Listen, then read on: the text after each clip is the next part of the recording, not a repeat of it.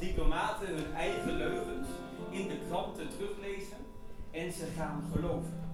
Dat schreef Karl Kraus aan het begin van de vorige eeuw. Oorlog beginnen als diplomaten hun eigen leugens in de kranten teruglezen en ze gaan geloven, het beleid daarop verder maken.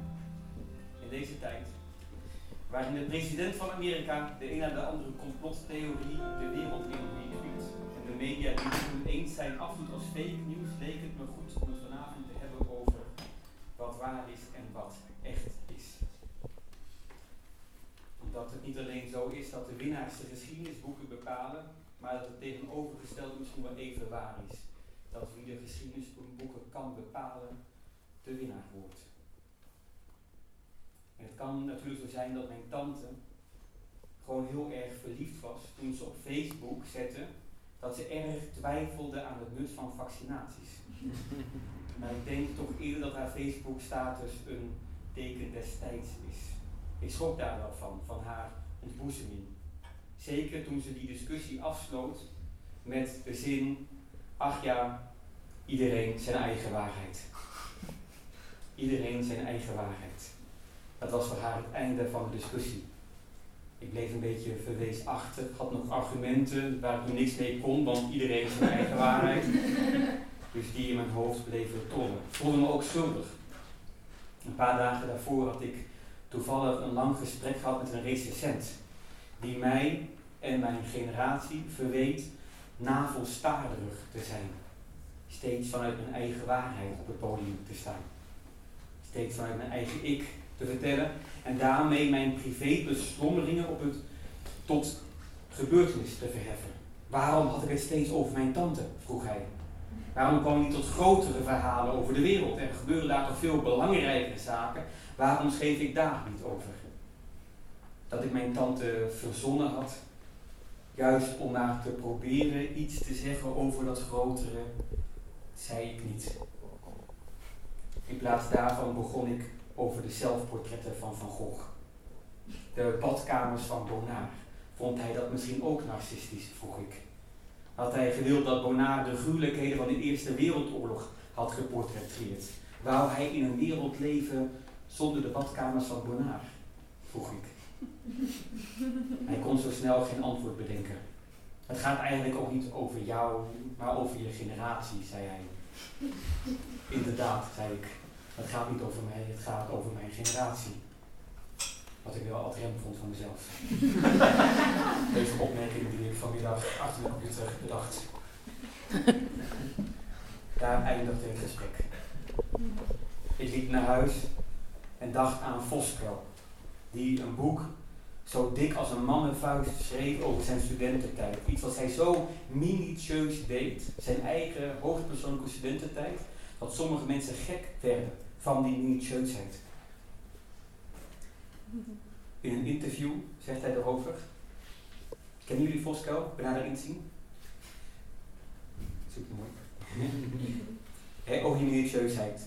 Een interview. Een anekdote. Die in of vlak na de oorlog erg veel indruk op mij maakte, was dat de Duitse spionnen, die perfect Engels spraken, in Engels uniform achter de linies gedropt waren bij het Ardennenoffensief.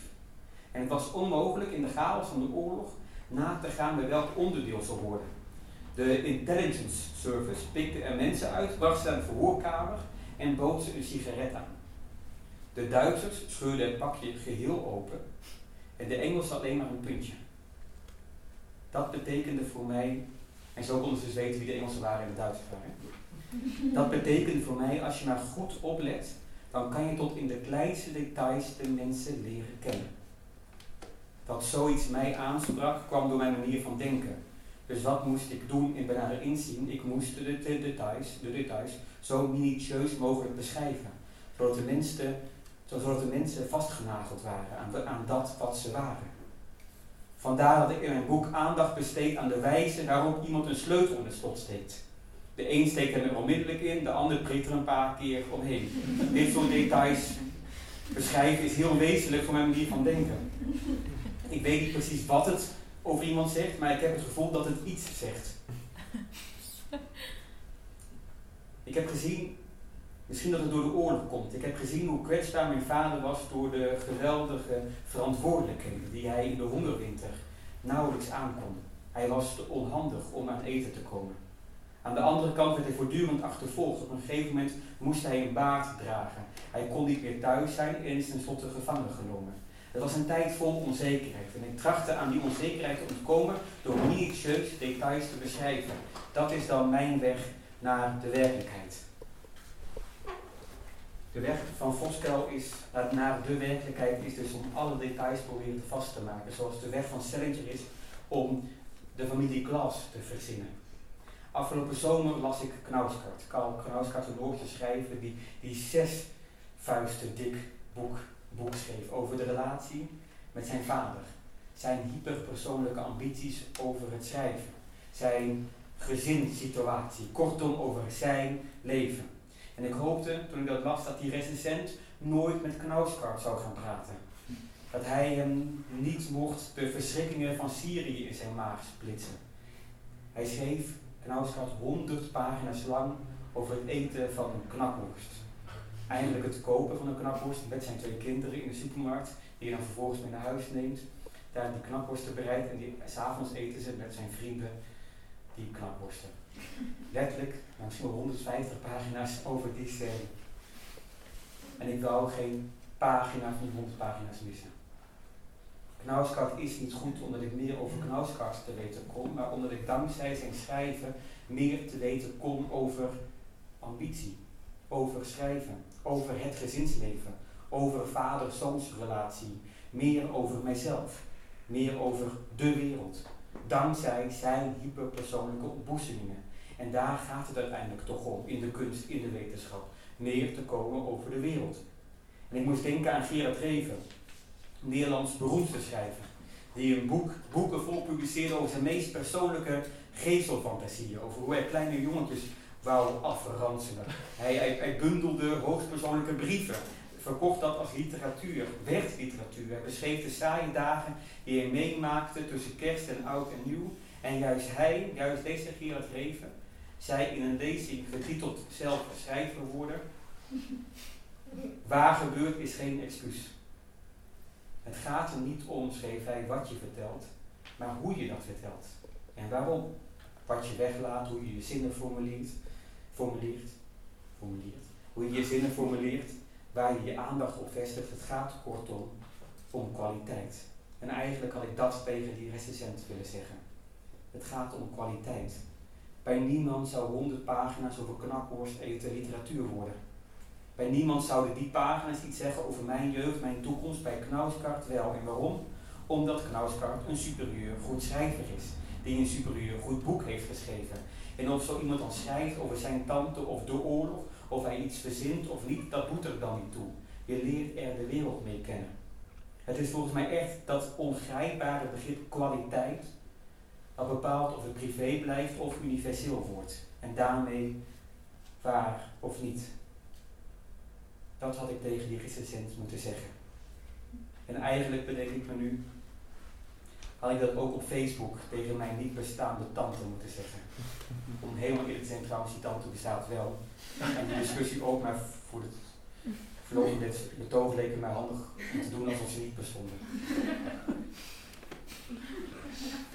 Ik zou zeggen dat ik helemaal geen problemen mee heb dat je je eigen waarheid maakt of hebt. Maar dat ik een probleem heb met de kwaliteit van je waarheid. Dankzij de kwaliteit van jouw waarheid zeg je niet zoveel over de werkelijkheid. De kwaliteit van jouw waarheid is ondermaats. Dat had ik misschien moeten zeggen. Maar dat zei ik niet. Ik zou haar immers niets doorlaten op een familiefeest tegenkomen. In het echt.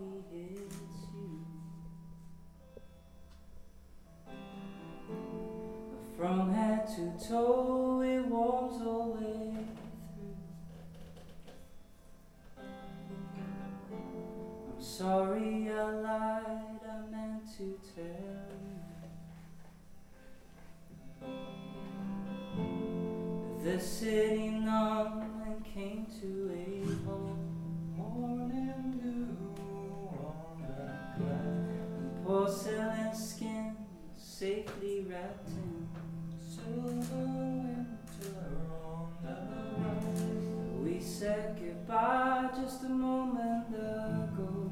Footsteps trail